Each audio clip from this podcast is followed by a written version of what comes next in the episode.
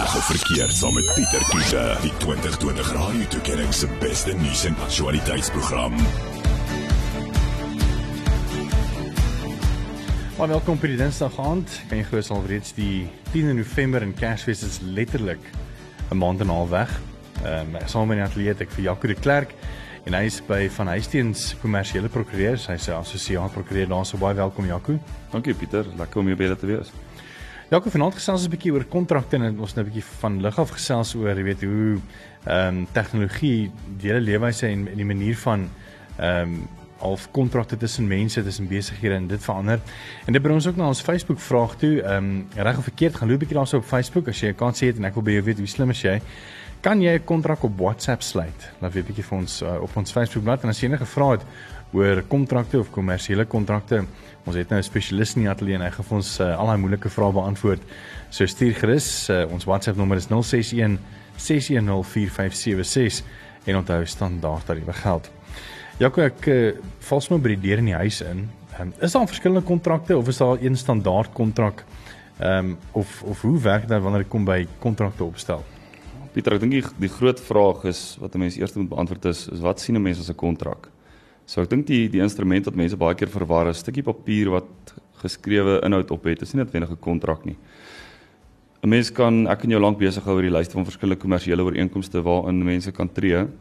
Maar vir 'n kontrak om tot stand te kom is daar sekere essensialia as die mooi term wat hulle gebruik in die reg wat teenwoordig moet wees voor 'n voor 'n kontrak eintlik tot stand kom. En hierdie essensialia is is eintlik maar vier goeder. So dit is die eerste een is is aan uh, aanbod vir wees van een party af en 'n aanname deur die ander party. So dan moet wils oor die instemming wees. Jy wil iets aan my verkoop, ek wil dit by jou koop. Dit is die eerste twee. Dan moet daar 'n spesifieke objek wees wat ek wil koop by jou en dan moet 'n spesifieke prys wees of 'n prys wat vasstelbaar is. Jy kan 'n sekere metodologie daarvoor inskryf, maar dan moet wils oor die instemming wees, aanbod aanname saam met 'n spesifieke objek of 'n spesifieke uh, prys voordat daar 'n kontrak tot stand kom. Dis nie noodwendig te sê dit hoef op skrif altyd te wees nie. Jy het al baie keer gehoor mondelingsooreenkoms um is ook afdwingbaar, dis ook 'n kontrak. Want die essensialia waarvan ek nou net gepraat het, is teenwoordig. Hmm. Die instrument stel dit op skrif is een ding en dis great en dis maklik want dan kan 'n mens maklik litigeer as daar ooit moeilikheid kom. Maar dit is nie altyd tot skrif dit hoef nie altyd tot skrif gestel te word nie. Maar wat gebeur nou as ek nou vir jou sê, hoorie so ek, ek sien jou kar vir jou was teen R50 'n maand uh twee keer 'n week. ek weet nie of ek nou moet op lig moet sê en ek ek afdwing myself miskien ook nou hier so 'n kontrak in, maar maar die feit bly staan as ek dit nou vir jou mondeling sê en jy sê Pieter ek aanvaar dit en ons gee mekaar boere druk. En na 'n maand dan was ek nie meer jou kan en dan sê vir jou nee, ek nie meer lus nie. Hoe en is net my woord en jou woord. So hoe hoe werk dit om dan so 'n kontrak afdwingbaar te maak as dit letterlik net my woord en jou woord is? Dit is moeilik want op die einde van die dag as ek en jy gaan litigeer in die hof op 'n R50 se kar was per maand gaan ons uh, mondelingse getuienis in die hof moet moet opbring om te sê dis jou kant en dis my kant. So wat ek baie keer vir kliënte sê, ek weet ons gebruik nou 'n simpel voorbeeld van van kar was, maar wat ek vir kliënte sê is hoe meer papierwerk in die begin, hoe minder papierwerk aan die einde. Kom ons sit hierdie verhouding, kom ons sit hierdie beoogde verhouding, hierdie transaksie waarna ek en jy wil gaan, al is dit 'n kar was, al is dit 'n besigheid koop. Kom ons kom ons stel dit tot skrif sodat as jy ooit moeilikheid kom as jy ooit besluit jy wil nie meer my kar was nie, het ek 'n stuk papier wat ek in hof kan voorlê en sê hierso is 'n hier is ons 'n geskrewe ooreenkoms. En dit is natuurlik makliker as mense dan eerder getuiene of getuies het uh wat dit dan aanhoor van die kontrak byvoorbeeld. Nee, definitief. As al getuies is wat dit gehoor het, die die handshake wat ek en jy gehad het, die handskrift ooreenkoms gesien het en hulle wil onder eed gaan getuig in die hof, dit maak my saak of jou saak baie baie sterker definitief. Maar dan moet nou twee partye of twee getuies wees, een van jou kant en een van my kant. Wel as ons net een was en hy's aan my kant, is my saak sterker, my saak sterker op die dag. Ons gesels oor kontrakte, so as jy saam wil gesels, jy's minstens welkom 061 6104576 onthou standaard tariewe geld. En vanaand wil ek by jou weet reg of verkeerd, kan jy 'n kontrak op WhatsApp sluit? Ons hoor graag van jou. Ons is net hier na weer terug.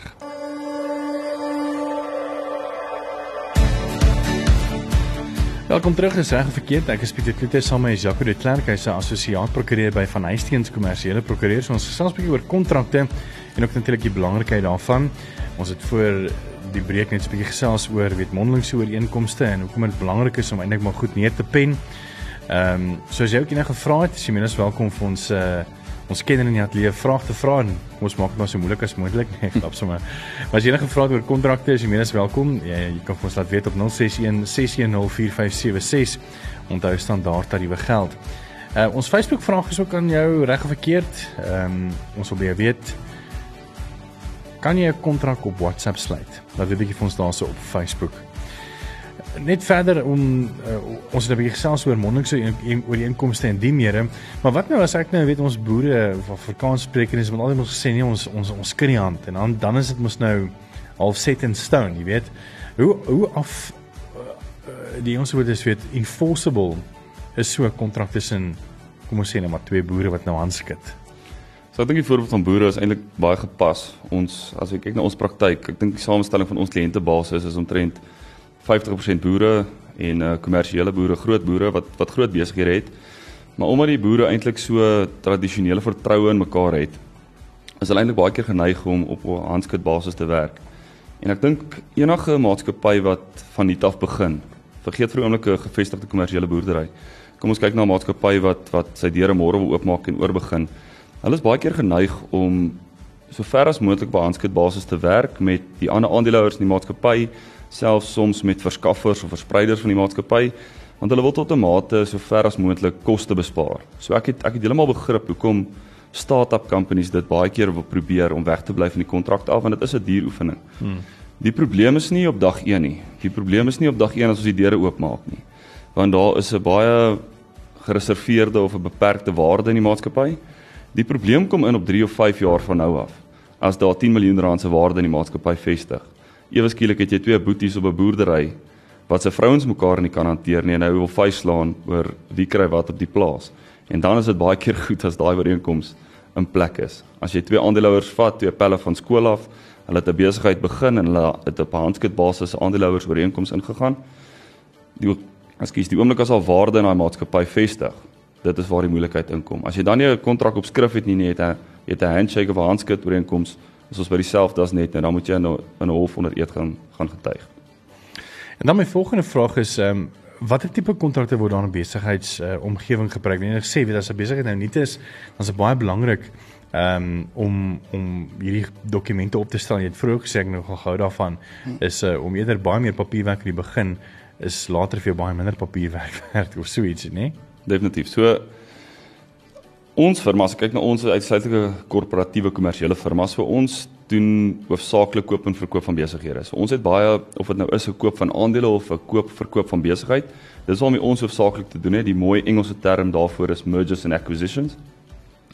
Dis waarmee ons meeste van die tyd te doen het, maar ons firma doen enigiets en en kommersiële reg kan 'n mens enige ooreenkoms of dit nou is 'n verspreidingsooreenkoms of verskaffingsooreenkoms, 'n samewerkingsooreenkoms enige kommersiële verhouding kan 'n mens op die einde van die dag tot skrif stel. So ons is hoofsaaklik in die in die koop en verkoop van besighede, maar enige kommersiële verhouding kan op die einde van die dag in 'n kontrak vervat word.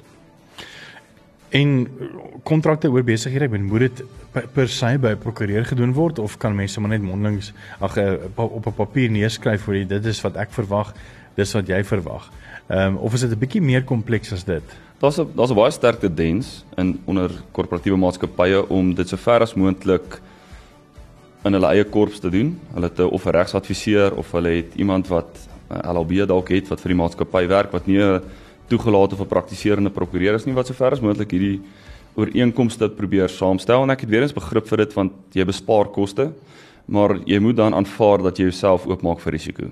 Wat prokureurs doen as ek 'n kliënt het wat wat na ons firma toe kom en wil hê ons moet hulle verteenwoordig, my verantwoordelikheid teenoor daai kliënt is om sy risiko so ver as moontlik af te dek as jy nie daai nodige kennis het nie omdat jy dalk nie elke dag in die wet werk nie. So ons wat kommersiële prokureurs dit is my werk, my verantwoordelikheid om te weet wat se nuutste wetswysigings in die maatskappywet, in die inkomstebelastingwet sodat ek my kliënt se risiko so ver as moontlik kan afdek en sodat die ooreenkomste uitvoerbaar is volgens die wet. As dit nie jou werk is nie, as jy nie elke dag verantwoordelik is om daai uit te vind en te weet en en op op te bly oor wat in die wat in die wetgewing aangaan nie, sit jy jouself op risiko as jy dit nie by 'n prokureursfirma doen nie. Ons wil baie weet, ons Facebook vraag is reg of verkeerd. Kan 'n mens 'n kontrak op WhatsApp sluit? Ek sien Baron Volshire het al alreeds gesê reg, geld net so goed soos 'n mondelingse kontrak. Ons gaan 'n bietjie later hoor by Jaco wat hy sê daaroor. En as jy enige ander vrae het, laat weet vir ons op ons WhatsApp nommer 061 610 4576 en onthou standaard tariewe geld. Ons is net hier na weer terug. Reg of verkeerd met Pieter Kloete. Dinsdae aande net na 8 op Groot FM 90.5. Ons gesels vanaand 'n bietjie oor kontrakte en die belangrikheid daarvan en my gas is Jaco de Klerk, hy is 'n assosiaat prokureur by Van Huisteen Kommersiële Prokureurs. Onthou ons Facebook vraag, ek wil by jou weet reg of verkeerd, kan jy 'n kontrak op WhatsApp sluit? Ons kyk hoe slim jy is, laat weet 'n bietjie vir ons daar. En as jy enige ander vrae het op WhatsApp 061 6104576 en onthou standaard tariewe geld en ons hoor graag van jou. Dan kom my volgende vraag is hoe watter tipe riglyne kan 'n mens gebruik om 'n kontrak op te stel? Miskien kan jy vir ons 'n paar riglyne uitwys wat nogal baie belangrik is wanneer dit kom by die opstel van 'n van 'n kontrak. Pieter, ek dink hopelik is my raad vir vir kliënte as ook van my ander kollegas daar buite wat wat ons graag wil hê van 'n kommersiële prokureur se perspektief was af is eerstens behoorlike instruksie. 'n Korte behoorlike instruksie. Wat presies wil ons hier volgende doen? Jy wil met daai ander party 'n kontrak sluit, koop van 'n besigheid kontrak met hulle sluit. Kom ons kry behoorlike instruksie. Dit gebeur gewoonlik tydens 'n konsultasie. As ons die konsultasie klaar gehad het, ons het die behoorlike instruksie. Stap 2 wat ons by ons firma doen is ons skryf 'n vlugplan. Ons gaan skryf 'n vlugplan en sê hier is hoe, hoe ons die transaksie van van prokureur se kant af, hoe ons die strukturering en die uitvoering van hierdie transaksies sien. Ons gaan skryf dit in 'n vlugplan. En die vlugplan het hulle baie fancy terme in die reg. Jy kan dit 'n term sheet noem, jy kan dit 'n memorandum of understanding noem, heads of terms. Daar's baie terme wat jy dit aan kan koppel. Maar stap 2, skryf 'n vlugplan. Laat die kliënte hulle insaal lewer op die vlugplan en teken die vlugplan af voor ons die kontrakte begin skryf. Want as ons hierdie vlugplan het, het jy 90% van die inhoud eintlik reeds vasgemaak. En as die partye op dieselfde bladsy daar is, maak dit die uitvoering en die skryf van die kontrakte net soveel makliker. Die kontrak of die ooreenkoms gaan heel waarskynlik verander soos ons meer onderhandel in boardroom gesprekke. Maar as jy daai vlugplan het, is dit daai skryf van daai dokumentasie baie makliker. So behoorlike instruksie, skryf 'n vlugplan en voer die dokument uit en skryf van die kontrakte. Wat gebeur as dan net sê maar in daai vlugplan is vir die ander party sê, mm, nee of of werk, weet kom ons sê nou byvoorbeeld hulle werk nou nie deur prokureurs nie. Uh hulle is maar 'n bietjie weet ligvoetig en hulle stem miskien nog nou nie ooreen met van die goed in die vlugplan voordat dit natuurlik nou na kontrak toe gaan is nie. Weet hoe hoe uh, mediate julle so 'n situasie. Dis die lekkerste gedeelte van van ons beroep omtrent, want dis waar die onderhandeling inkom. So nou moet 'n mens begin onderhandel. Nou moet jy sê dit is wat ons uit wil hê. Dit is wat julle daai wil hê. Hoe kan ons mekaar in die, in die middel kry? En ek dink dis die interessante gedeelte. Dis 'n gedeelte wat ek persoonlik baie geniet. Want ewe skielik sit jy of met die ander party direk of met hulle prokureurs, hulle regsadviseurs en jy onderhandel want niemand van ons wil nie 'n deal hê nie. Almal van ons wil 'n transaksie uitgevoer kry. Die vraag is hoe gaan ons daai transaksie struktureer sodat dit voordelig is vir albei partye. So dis waar die onderhandelingsfase begin. En uh, is ander prokureurs baie keer bietjie hardkoppig, jy weet uh, wat regtig nou eintlik maar net hulle kliënt wil tot die verste beskerm en half nie 'n uh, uh, bietjie leeway wil gee soos die Engelsman sê sê nie. Definitief en ek dink ons kan onsself onsself onder daai kam skeer, maar op 'n of ander dag moet jy onthou ons vat instruksie by kliënt. So ons mag dalk sterk daaroor voel. Ons het onlangs instruksie gehad dat ons vir die kliënt gesê het ons is glad nie gemaklik met hierdie transaksie hoe hy tans gestruktureer is nie. Kliënt het vir ons gesê hy is gemaklik, ons kan voortgaan. Dan het ek my werk gedoen. Ek het my kliënt se risiko vir hom uitgewys, dit vir hom probeer afdek. Hy het nog steeds die besluit gegaan om voort te geneem om voort te gaan. En wat gebeur as die ander party nie die kontrak wil teken nie? As die ander party nie die kontrak wil teken nie, het jy nie wilsooreenstemming nie. Dan het jy nie 'n ooreenkoms nie. So dit is dit is ongelukkig nodig dat die partye ooreenstem. Jy kan nie ou forceer om 'n kontrak te teken nie. Wilsors eensstemming is aanbod aanname. As hy hom nie wil teken nie, beteken dit daar is nie 'n deal op die tafel nie. So dan moet maar af van weet hoe sterk is die aanvraag op die besigheid wat gedoen moet word. Of, Definitief. Hy sal vir ons moet sê hoekom wil hy nie die kontrak teken nie en dan gaan ons weer oor onderhandel op daai punt. Tot ons op 'n punt kom. Wat was die langste wat jy al onderhandel het, ek mag vra? ek gaan nie vir jou jok nie. Ons het 'n transaksie gedoen 2018 2019, 9 maande gevat om die om die acquisition of die transaksie klaar te kry. Sjoe. En ander transaksies moet vinnig, maar so in 'n dag of wat. Die ons ideaal is binne 6 weke 'n transaksie af te handel. Dis dit is great, dit is lekker, maar dit gebeur nie so baie nie. Dit gebeur nie so baie nie. Hoe gereeld ehm um, kom julle of gaan julle hof toe wanneer dit kom by by 'n kontrakte wat aangegaan is wat miskien ook nou 'n dispute is. Uh het sy dit nou miskien ook nie op papier was nie, weet mondelings en natuurlik dit wat dan op kontrak was en kontrakbreek. Uh, gebeur dit gereeld? Dit gebeur dit gebeur baie gereeld. By ons firma gebeur dit nie want ons is nie uh, litigante nie. So ons is net kommersiële prokureurs. Ons is stel die kontrakte saam, ons struktureer die transaksies. Die oomblik as die partye tot 'n dispuut kom en daar's uh litigasie wat gaan plaasvind, verwys ons dit na na litigante toe ouens wat spesialiste is in die litigasieveld. So ons firma doen dit nie uitsluitlik nie. Um, ons is uitsluitlik korporatief kommersieel, maar dit gebeur elke liewe dag. Is daar ouens wat hof toe gaan op dispute op kontrakte. Dis hoekom ons werk so belangrik is, die manne wat daai kontrakte saamstel, sodat die proses in die hof vir beide litigante en die voorsittende beampte baie makliker is. Ons is selfs oor kontrakte enige vrae 061 6104576 onthou standaard tariewe geld.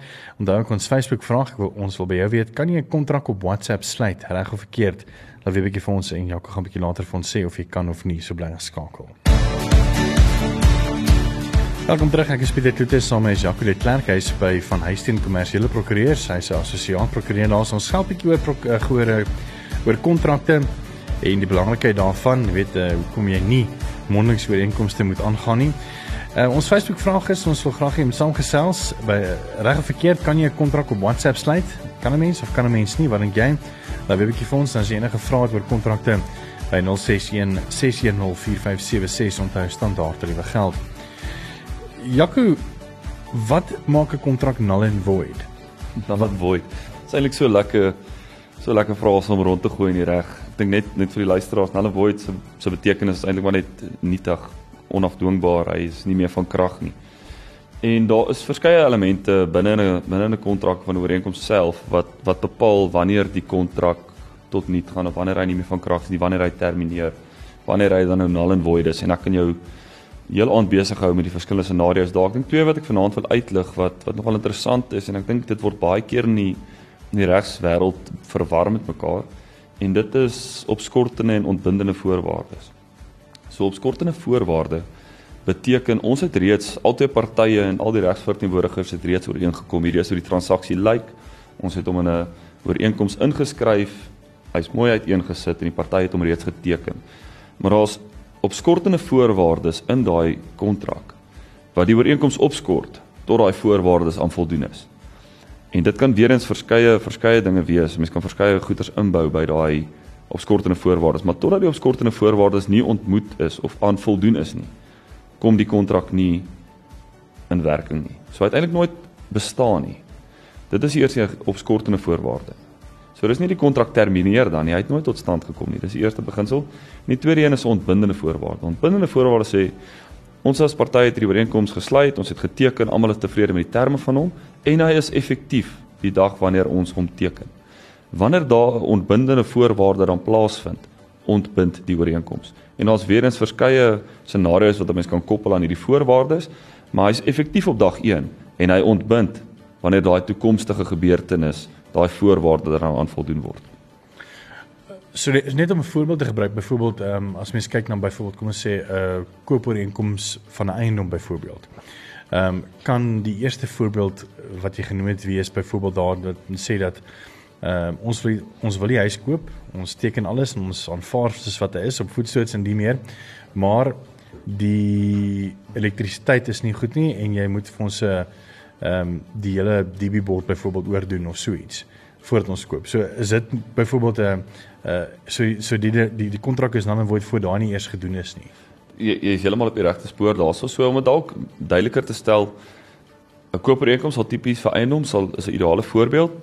Kontrak ons teken om ons sluit die ooreenkoms, maar hy's onderhewig aan ek wat die koper is, moet finansiering by die bank kry. Hmm. As ek nie die finansiering by die bank kry nie, het ek nie geld om die eiendom te koop nie. So die oomblik as ek die finansiering kry, is daai opskortende voorwaarde aan voldoen en die ooreenkoms is dan nou effektief. Of jy kan hom anders ook omskryf en sê dat is 'n ooreenkoms is effektief. Daar's 'n onbindende voorwaarde as ek nie finansiering by die bank kry nie, dan ontbind die ooreenkoms. En wat sê jy sê is 'n goeie voorbeeld van ehm um, van 'n kontrak van die laaste opsie wat jy gegee het? Eh, sê geweer die laaste? Uh die laaste het gesê dis eerste een is ehm um, uh, opskorting. Opskorting en die ander een is die wanneer die kontrak tot 'n einde kom, waar amper 'n einddatum is of 'n 'n toekomstige gebeurtenis. Yes. Ek dink um, kom ons hou by die kom ons hou by die die koop van die van die eiendom. Um ons sê dat die die ooreenkoms is effektief. Ons gaan hom aan. Sou ek nie dit in die toekoms kry nie, die finansiering by die bank, dan ontbind hy. Okay. Sou ek nie dit kry nie, dan ontbind die ooreenkoms en ons verhouding is daarmee een. Hoeveel foute het jy al gesien kliënte maak wanneer dit kom by kontrakte? Al hoope?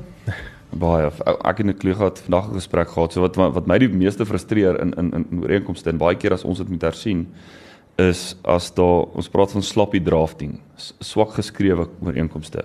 Definisies wat nie reg deur die bank reg gebruik is nie. Ooreenkomste wat lomp lees, nummering wat uit is in die ooreenkoms. So mense dink baie keer as jy daai dik pakkie sien, dit lyk baie impressive, mooi voorblad en die inhoud as jy vinnig blaai is is baie dit dit lyk vertoon baie nice. Maar ons wat daagliks daarin werk, tel daai foute baie vinnig op en dit is iets wat my frustreer in praktyk is 'n sloppy drafting. En dit kan jy natuurlik éventueel in die hof in die agtervoet byt omdat dit nie baie goed omskryf is nie. Ons het onlangs 'n scenario gesien wat wat 'n uh, uh, screenshot wat vir ons aangestuur is van 'n ooreenkoms wat in die hof lê waar twee verskillende partye gesiteer is op die ooreenkoms maar onder dieselfde registrasienommer. So almal weet dis eintlik dis net 'n tikfout. Die tweede party se registrasienommer verkeerd ingevul. Maar ewe skielik sit jy met 'n voorsitter en 'n beampte in 'n hof wat gefrustreerd is oor die dokumente wat slordig saamgestel is. En dit benadeel dan natuurlik die kliënt. Wie ook al die kliënt definitief en wie ook al die prokureur is, dit reflekteer ook nie goed op sy reputasie nie. Ons gaan net nou 'n bietjie gesels oor sosiale media en weet die uitvoerbaarheid van 'n kontrak op sosiale media. En ons reg of verkeerd vraag vanaand is ons wil kyk hoe slim jy is. Is kan jy 'n kontrak op WhatsApp sluit? Dan weer 'n bietjie vir ons op ons WhatsApp. En ons sê ag op ons Facebookblad vir FM 90.5. Ehm um, asook as jy enige vrae het 061 610 4576 onthou standaard. Tariewe geld ons is net hierna weer terug. En dit is natuurlik op swart of wit, nie mondelings nie soos ons vroeër geleer het by Jaco de Klerk, hy's van van Huisteens Kommersiële Prokureurs. Hy's 'n assosiaat prokureur daarsom. Interessante vraag wat op WhatsApp weer gekom het Jaco is ehm um, byvoorbeeld eh, 'n goeie voorbeeld en ek dink hierdie is eintlik so toepaslik op vandag se tye is byvoorbeeld as jy 'n kontrak van dienslewering aangegaan het um, met 'n besigheid en weet waar jy mos sê maar moet goedere gelewer het aan 'n besigheid.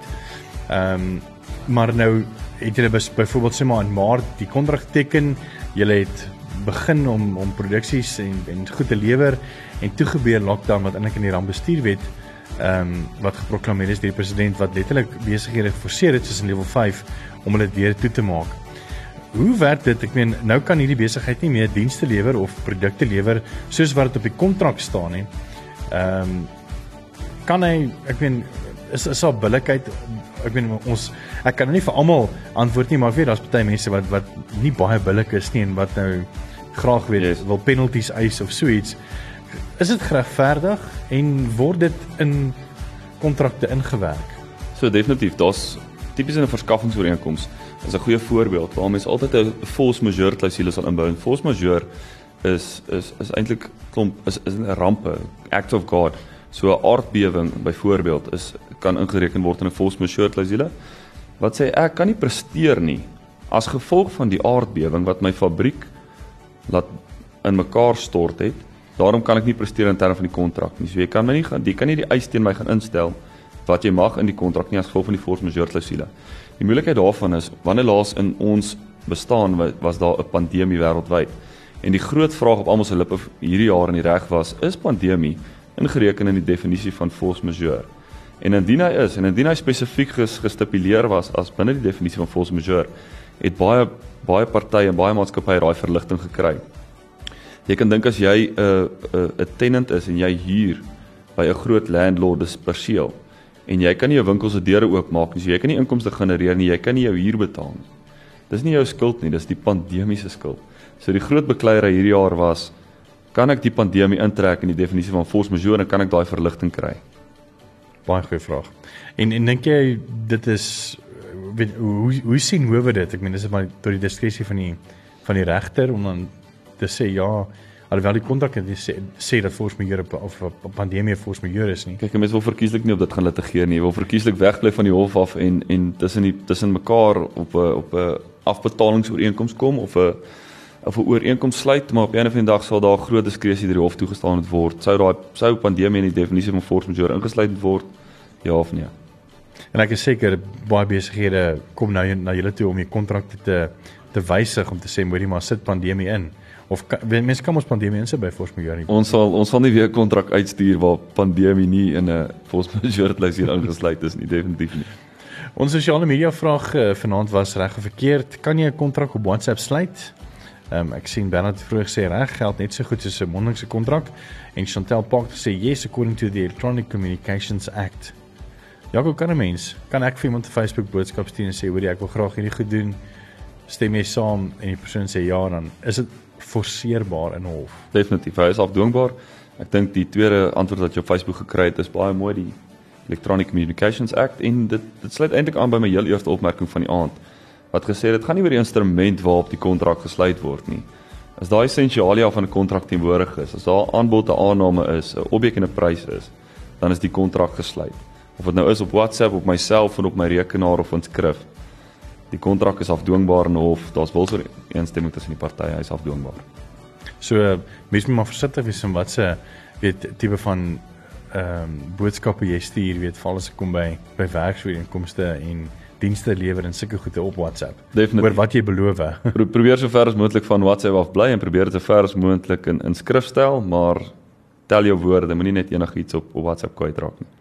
Dankie baie dankie vir jou tyd vanaand. Uh, enige laaste paar ehm um, wenke wat jy vir vir besigheidseienaars en selfs uh, ons individue kan gee wanneer dit kom by die sluit van kontrakte. Soos my opmerking voor vanaand, hoe meer papierwerk in die begin, hoe minder aan die einde. Probeer so ver as moontlik wegbly van handskrif ooreenkomste.